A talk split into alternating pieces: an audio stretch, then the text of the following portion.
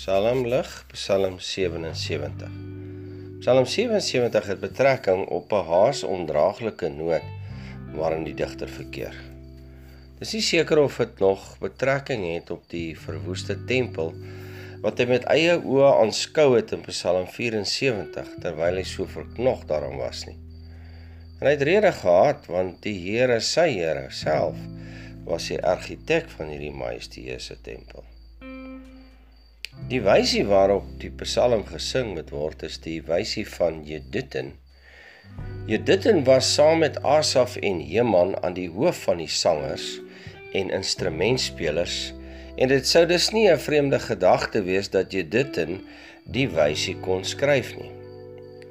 Die betekenis van die naam egter naamlik die Here het lief of beminde van die Here is eintlik 'n bietjie van 'n teenstrydigheid as dit saam gelees word met hierdie soek van die aangesig van die Here as beminde van die Here wat nie bemind voel nie en nie eers met die woord van die Here getroos kan word nie. Bedags bly hy roep na God om hulp en snags bly sy hande uitgestrek in gebed sonder om moeg te word. So geweldig is hierdie nood en benoudheid dat hy vanweë die beklemming nie kan spreek of bid nie. As hy egter terugdink aan die wonderbare verlossinge van die Here in die verlede, dan voel dit vir hom of die Here vorige kere die volk baie gouer te hulp gesnel het. En daarom dat hy vra in vers 8: Sal die Here vir altyd verstoot? Is dit met sy belofte gedaan? Het die volk sy kinders nou te ver gegaan sodat hy nou in sy toorn sy barmhartighede wat so maklik vloei wanneer daar 'n berouvolle hart voor hom staan het hy sy barmhartighede nou toegesluit. En dit is nou die digter se grootste bekommernis dat dit skyn asof die regterhand van die allerhoogste verander het kan die ek is dan verander? Ek is wat ek is gister, vandag tot in ewigheid dieselfde.